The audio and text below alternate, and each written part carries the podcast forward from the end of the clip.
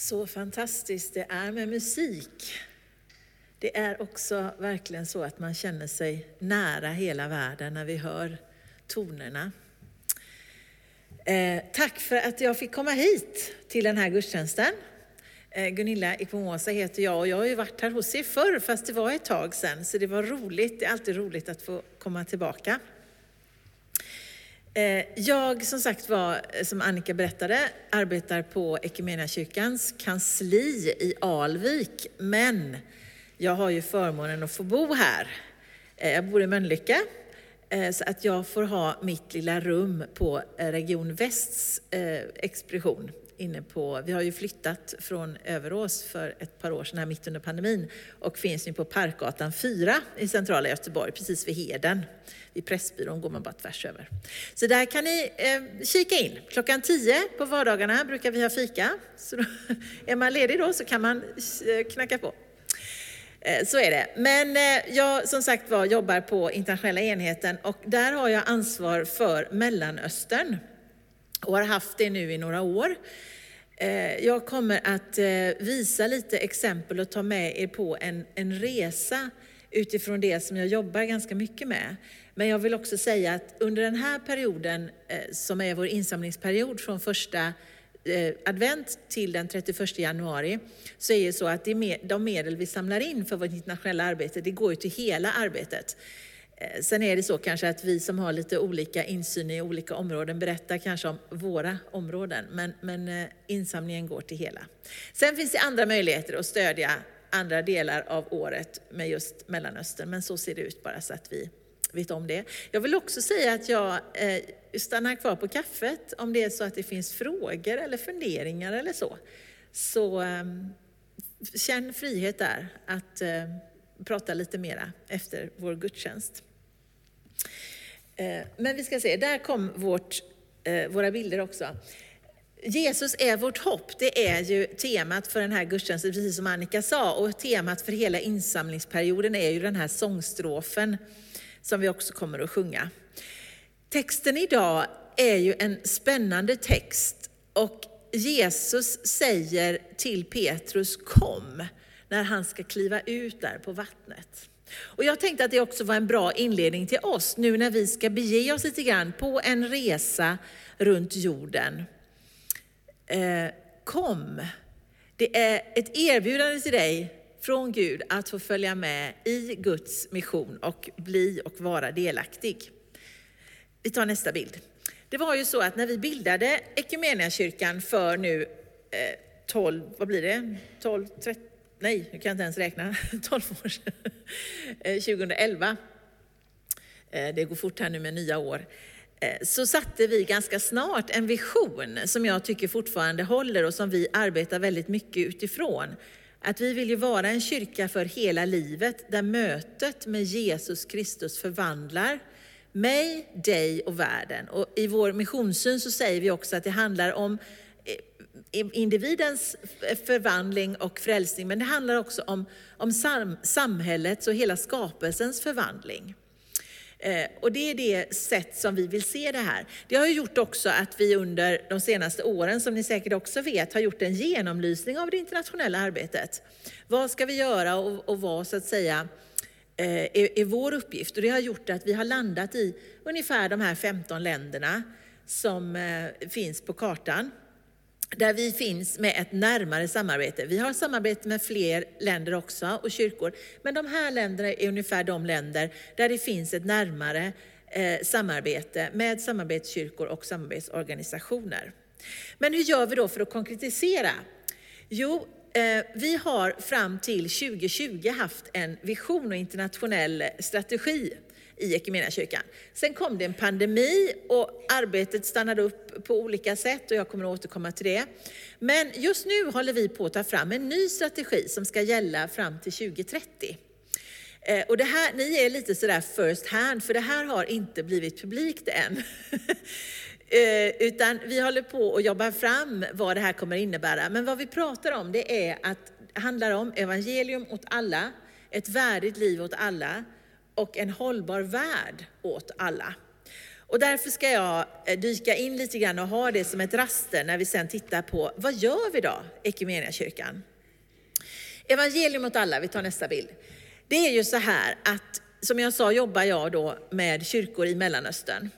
Och där går det inte att ställa sig utanför kyrkan eller på torget och spela gitarr och sjunga en sång om Jesus, för då hamnar man i fängelse ganska snabbt. Utan eh, man får fundera på hur ska vi kunna nå ut med evangeliet? Jo, man får ju ha verksamhet i sin kyrka. Och därför så är just det här att kunna utbilda söndagsskolledare, att kunna stötta dem och att kunna ha bra söndagsskolverksamhet, vi kan ta nästa bild. Eh, det är en väldigt, väldigt viktig del av kyrkans arbete i Mellanöstern. Och just de här bilderna är ju tagna då ifrån eh, Aleppo i Syrien. Och eh, den här är, vi kan ta nästa bild också, för det här var, de två senaste bilderna här, de fick jag precis innan jul. Man förbereder för julspelet. Och då är det ju så att genom att man eh, finns i söndagsskolan så är det ju inte bara så att säga barnen som har sina föräldrar i kyrkan. Utan söndagsskolan, det blir ett tillfälle för barnen att få eh, också hantera sin vardag. Eh, det är ju fortfarande så att det inte är fred i Syrien. Aleppo har varit en stad som har legat under belägring under de här dryga 10-11 åren nu som kriget hållit på. Eh, det var innan kriget eh, ett ekonomiskt centrum för Syrien, ett välmående, eh, ett, ett, ett, ja, en välmående stad. Eh, så att det är många familjer som har liksom fått börja om kanske flera gånger. Och I alla krig så är det ju så att barnen är en väldigt utsatt grupp och det är viktigt för dem att hitta en vardag. Och genom söndagsskolarbetet, som inte bara då är på söndagar utan faktiskt också eftermiddagsverksamhet, så får barnen en rytm. Eh, och många av de eh, muslimska föräldrarna tycker också att det är viktigt så att, säga, att barnen har en, en, en bra verksamhet där man också bygger på Alltså där man har ett etiskt ställningstagande. Det kan låta märkligt det här, men, men alltså det går inte att inte vara religiös i Mellanöstern. Eh, och då så att säga är det bättre, kyrkan är bättre än ingenting så att säga. Och därför gör det också att det kommer väldigt många barn till de här verksamheterna. Evangelium till alla, vi tar nästa bild ja. Eh, Det är ju, evangeliet innehåller ju mycket. Det handlar om, om predikan, absolut, och det handlar om barn och ungdomsverksamhet som vi också är vana vid att vi har här. Men det handlar också om att nå ut med diakonin, att se människor som finns, som har behov och där vi är sända att se dem och att eh, stötta på rätt sätt. Covid-19 har förändrat livet för alltid. Eh, det har, så att säga, där det var dåligt innan har det blivit mycket, mycket sämre. Och jag kan gå in mycket på det och vi kan diskutera det senare. Men, men det har inneburit att människor som levde på marginalerna eh, redan inte har några marginaler och människor som var ganska mycket medelklass har blivit på marginalerna. Eh, den här eh, bilden är ifrån eh, en organisation som heter då, Compassion Protestant Society och det är kyrkan i Libanon som under eh, covid-pandemin då gjorde i ordning eh, sådana här eh, hygienkit.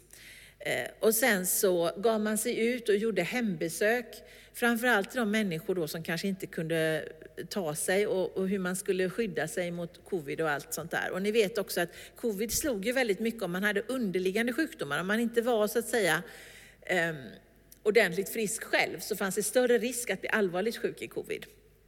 Ta nästa bild. Eh, vi distribuerade då, eh, kyrkan distribuerade både sådana här mat och hygienartiklar i Syrien men också i Libanon. Under, innan covid, eh, hösten 2019, så började saker och ting eskalera i Libanon. Och jag vet inte om ni minns att det var mycket demonstrationer, folk var väldigt missnöjda på korruptionen i landet och så. Och det där eskalerade mer och mer. Sen kom covid och som, varför jag säger att det var allvarligt med covid, det var för att alla de här jobben, eh, mycket av ekonomin i de här länderna, i, i Libanon, i Syrien, i Egypten, i de här länderna, det bygger på dagsverken. Alltså att man går till jobbet på morgonen, man får, man får ett, någonting att göra och så jobbar man och sen så får man sin lön i slutet på dagen. I Libanon försvann alla de arbetena över, alltså i ett trollslag eftersom hela samhället stängde ner. Skolorna slutade fungera. Eh, allting liksom sattes på paus. Eh, och det var så också, och samtidigt då så, så steg priserna i höjden eftersom valutan började falla helt fritt så småningom. Under alla de åren som jag har rest till eh, Libanon och besökt vår systerkyrka där, så har det alltid varit så att en dollar, eh, då kan du köpa 1500 libanesiska pund, eller liba som man säger. Alltså det är fast, fast kurs, kurs mot dollarn. Så en dollar, då får du 1500 liba. När jag var där eh, i maj, nu efter, alltså maj 22, två år efter så att säga pandemin då hade startat, eh, då var det så att man fick betala, eh, för en dollar så fick man 27 000.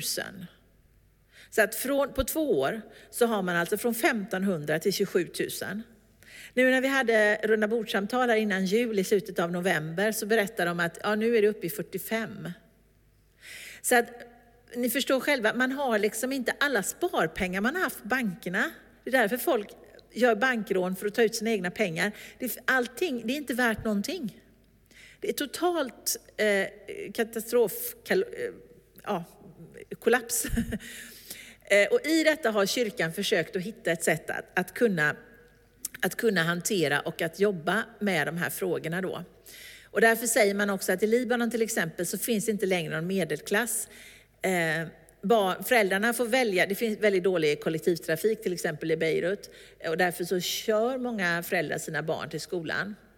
Men det blir så att det blir för dyrt för bensinen är så dyr så att det du tjänar på din, med din lilla lön om du har så att säga kvar ditt jobb, den går åt till att skjutsa barnet till skolan eller att ta dig själv till jobbet, vilket gör att det lönar sig liksom inte att jobba. Det är dyrare att, att betala bensinen för att ta dig dit du ska. Ehm, det här är en verklighet som, som, den här, som kyrkan lever och verkar i. Men ändå så har man så att säga inte gett upp. Man har inte gett upp. Och vi ska ta nästa bild här. För det handlar om, som jag sa, det handlar om evangelium åt alla, men det handlar också om att i det ge ett värdigt liv åt alla. Och då har vi ju börjat sedan länge. Den här bilden är faktiskt eh, ända sedan 2014, första gången jag var i ett flyktingläger i Bekardalen. Och då fanns det en vision hos kyrkan att man ville starta skolor för de, flykt, för de syriska flyktingbarnen. Och det gjorde man. Ta nästa bild.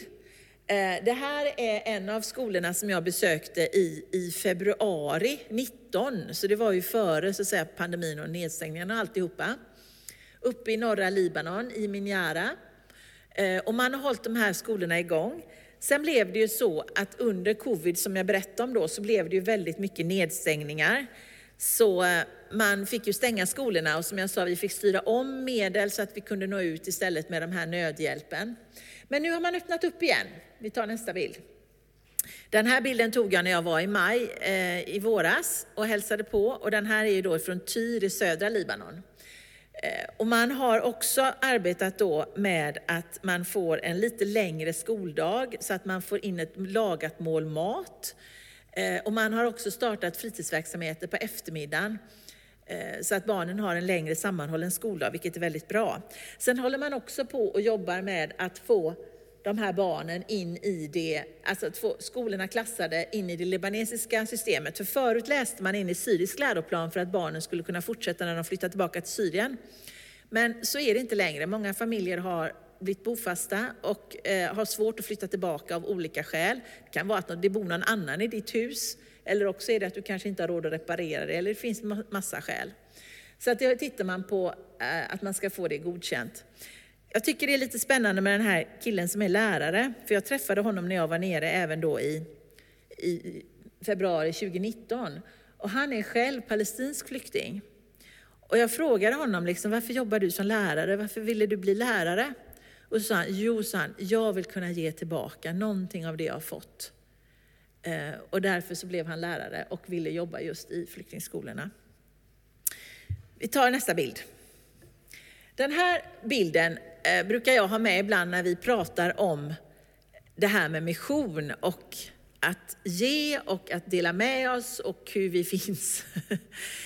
Eh, när vi jobbar med de här frågorna, när vi jobbar i det internationella arbetet, så är det väldigt viktigt att inte ta bort människors möjlighet att förändra sin egen situation. Det är väldigt viktigt att bemyndiga människor att så att säga ha ett eget ansvar för sitt eget liv. Och det som vi gör i kyrkan och det som kyrkan gör, det är att, att hjälpa till så att människan själv kan ta tag i sitt liv. Och om vi ser här på den första där det står lika villkor så är det kanske så ibland vi tänker att vi gör i kyrkan. Vi har en massa missionsländer och så samlar vi in pengar och så pytsar vi ut till allting. Men så som vi jobbar, det är att vi tittar på vad är det som blir rättvist? Som vi ser så behövs det olika typer av stöd för olika personer, för att människor är olika och situationer ser olika ut. Eh, och det där, det där är, är viktigt i det internationella arbetet. Och jag ska visa ett par exempel på där ni som kyrkan och vi har varit med att ge möjligheter till människor som annars har haft mycket begränsade eh, möjligheter. jag ska visa en liten film här. Eh, det var så här att under eh, för, det var förra året eh, så fick vi möjlighet genom Human Bridge att eh, köra ner en container till Syrien med just hjälpmedel för Eh, barn med funktionsnedsättningar, även vuxna men framförallt barn, för, eh, barn med funktionsnedsättningar. Och det är så här att normalt sett så brukar inte vi skeppa iväg grejer så, men just sådana här saker finns inte i Syrien. Därför att det finns inget som tillverkar dem. Det är ju då som ni vet embargo och eh, bojkott och man får inte importera någonting överhuvudtaget, så att det finns inte att få tag i. Eh, så att vi körde ner en sån här container. Och den här lilla filmen visar Adam, fyra år. Adam, han har aldrig gått i hela sitt liv. Jag vet inte exakt vad det är för skada han har, men, men han har aldrig kunnat gå eller stå, utan han ligger. Han fick en gåstol genom den här containern och det här är hans mamma eh, och det är hans pappa som filmar och jag har fått tillstånd att visa filmen. Men jag tycker att det är ganska eh, talande för hur Adams liv kommer att förändras nu när han har fått en gåstol. Vi sätter igång filmen.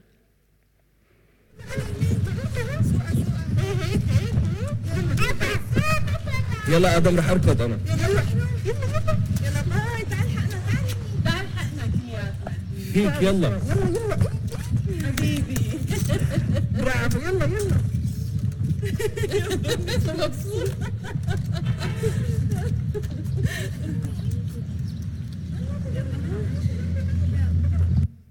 vi kan bara tänka oss vad det innebär för den här lilla pojken. Både att få upptäcka att han, han kan gå med det här stödet, men också vad det kommer innebära för honom att ha möjlighet att kunna tillgodogöra sig skolundervisning, att kunna tillgodogöra sig säga, framtiden, kunna, kunna hitta någonting han kan arbeta med utifrån sina förutsättningar. Eh, det finns också, jag ska visa en annan kort film, och jag ska berätta lite grann om den filmen bara för att den är på, man talar engelska och det är också textas på engelska. Men det här med, som vi kallar för Agrobasket, det är ett projekt som kyrkan i Libanon har startat och som vi eh, kommer att gå in i under detta året också. Det är så här att eh, människor i Libanon, som jag sa då, de förlorade sina sparpengar, de förlorade sina arbeten. Eh, och det gjorde det att man satsade väldigt mycket på att kunna hitta ett sätt för familjer att kunna få en självförsörjning. Eh, och då var det så att man valde ut familjer som får då tre stycken så kallade eh, korgar med jordbruksprodukter på ett år. Eh, två av de här korgarna, då är det grönsaker och, och olika saker. Och I en, den sista korgen som man får innan vintern där, då är det fruktträd, det är avokado, det är citroner och det är lite sånt. Då har man, kan man ha för husbehov att kunna komplettera eh, med nyttiga köksgrönsaker. Men man kan också sälja till exempel lite frukt och så och på det sättet hjälpa till att få en, en bra hushållsekonomi och inte minst då lite mer näring i eh, ett, ett tillskott till eh, maten i familjen. Och i den här filmen så är det dels så att det är en pastor som berättar om hur människor så att säga, flyttade tillbaka till sina eh, alltså flytta ut från städerna och tillbaka till sina områden där de kom ifrån. De kanske hade trädgårdar och sånt och hur de kunde göra det och försöka odla upp sin, sin, eh, eh, sin mark för att det blev för dyrt och för svårt att leva i stan. Vi hör också en kvinna som berättar om eh, hennes, sin familj eh, där hennes eh, svär, svärsöner har förlorat arbeten och hon, har liksom, hon försörjer flera personer. Och även slutligen då en man som säger att han är, är född bonde, uppvuxen bonde och han vill leva och dö så att säga, i Libanon där han föddes. Och för att kunna stanna, de, de här eh, möjligheten för honom att göra det är ju att få de här jordbruksprodukterna. Så vi, vi sätter igång filmen.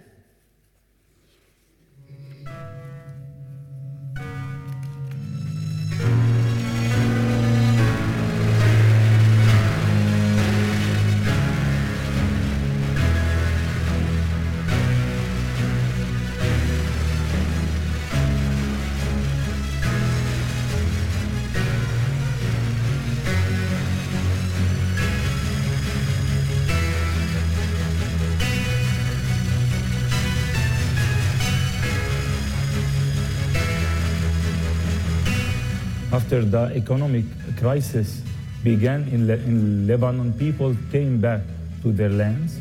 They started again to plant their gardens. We thank uh, all donors who gave and support such projects because it's really helping to encourage the people stay in their lands. بدنا ناكل ما في اولاد وفي بنت حد قاعد عند عائلة كمان بدها طعمية شو مفتكرة؟ وهي انجا الطعمة أولادها. شي مجوز وقاعد بلا شغل. هي أهم إشي رزقنا ووطننا وان شاء الله بس نضل بهالبلاد كمان. كمان صلي بايدنا عوز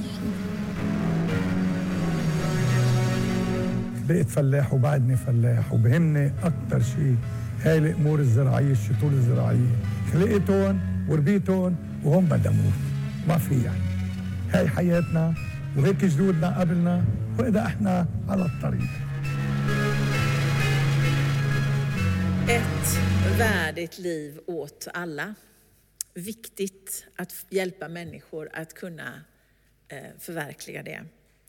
Det sista jag ska prata om nu, och några, någon minut här bara, det är också det här vi pratar om, en hållbar värld åt alla. Och den här bilden som ni ser, den är tagen i Kairo för några år sedan, 2018.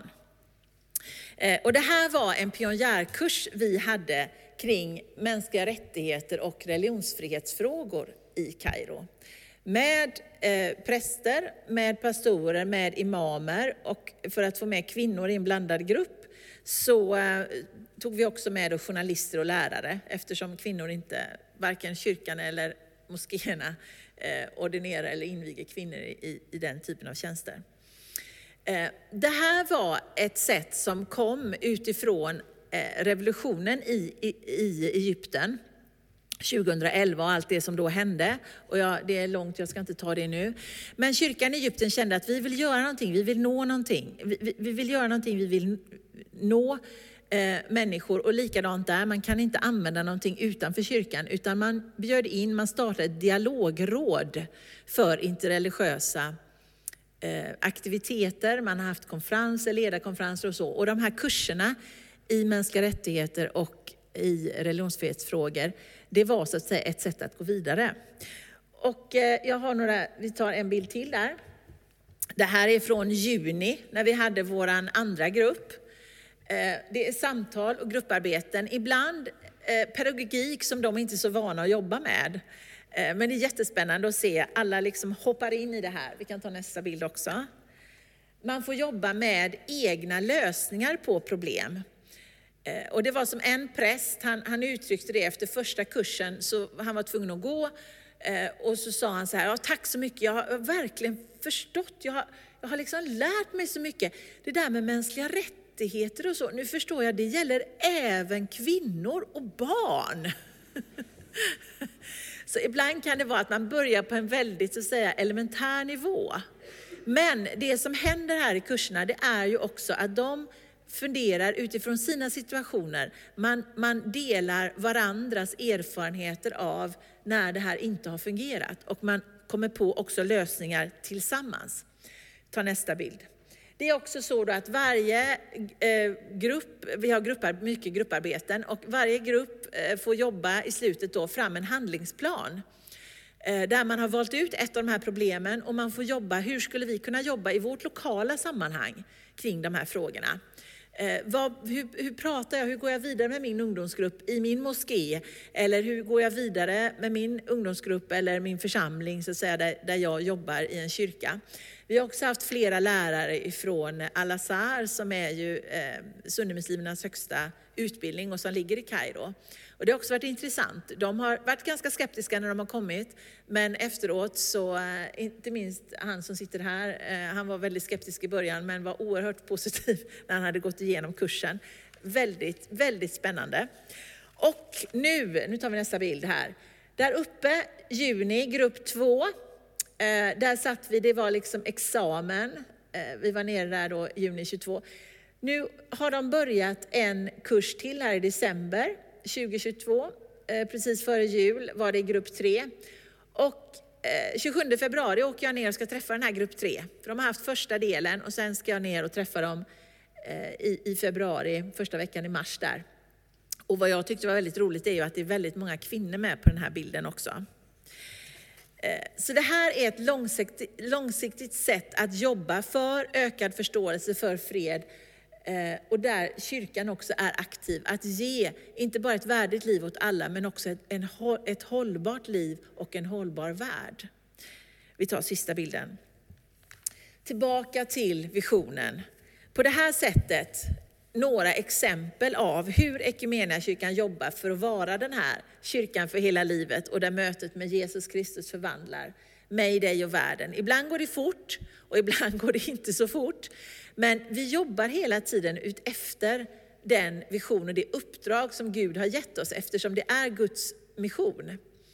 Och jag har klippt in här två stycken bibelord ifrån dagens texter också som finns. Och jag tycker den här i andra Timoteusbrevet, den, det är oerhört starkt. Gud har inte gett oss modlöshetens ande, utan kraftens, kärlekens och självbesinningens. Och för mig handlar det om att ibland så är det så att vi också behöver vara visa i det internationella arbetet. Som jag sa, Mellanöstern är en speciell region att jobba i, men det är inte omöjligt. Och framförallt så är det möjligt därför att människorna som bor där och lever där bär Guds hopp inom sig, trots allt som händer. Och vi får stå med vid deras sida. Vi kan inte förstå hur det är att vara där i den situationen, men vi får stå med, vi får lyssna, vi får vandra tillsammans. Och det är för att både vi och eh, den, den gemensamma kyrkan, det är Gud som har räddat oss och de, han har kallat oss alla med en helig kallelse. Och det har inte att göra med vad vi har gjort, inte på grund av våra gärningar, utan genom sitt beslut och sin nåd som han skänkte oss i Kristus Jesus redan före världens början, redan före vi var påtänkta. Och jag ska bara avsluta med att säga att jag tycker det är väldigt häftigt det här att få vara eh, alltså Mellanöstern har ingen, vi har ju inte så stor tidsskillnad, det är ju max någon timme fram och tillbaka.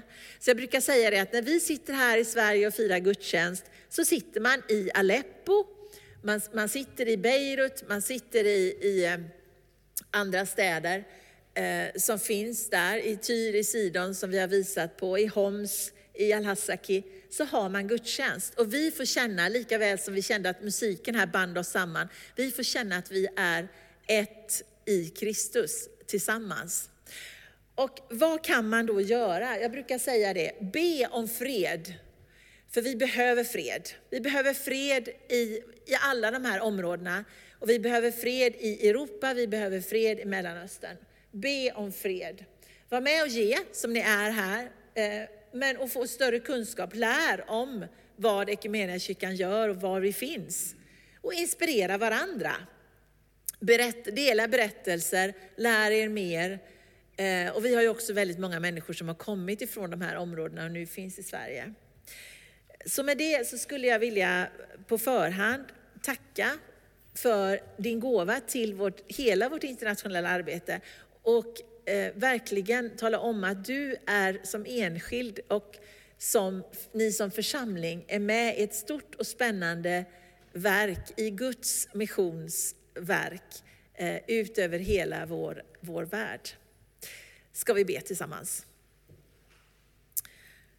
Tack Jesus Kristus för att du är vår Herre. Tack för den kallelse till dig som vi bär. Tack för att du har tänkt oss innan vi ens visste vem vi är. Men du har gått före i allt, Herre. Och vi ber nu, vi ber om, om fred, vi ber om frid över vår värld, där så mycket är så oroligt, där så många människor har fått starta om mer än en gång. Och där vi fortfarande inte ser utgången, vare sig på kriget i Ukraina eller kriget i Syrien, eller eh, andra oroshärdar. Herre, tack för att vi får be dig om fred. Vi får be dig också för all den verksamhet, allt det som vi gör tillsammans med kyrkorna i andra länder. Vi ber på ett särskilt sätt också för, för kursen nu, del två här i Egypten. Som kommer att vara en, en viktig kurs för att jobba stadigt och tydligt med att vi får en bättre förståelse så att också kyrkan kan fortsätta att verka i fred och frihet i det landet. Herre, vi tackar dig för att du går med oss. Tack för att vi får lämna över oss själva i dina händer. Amen.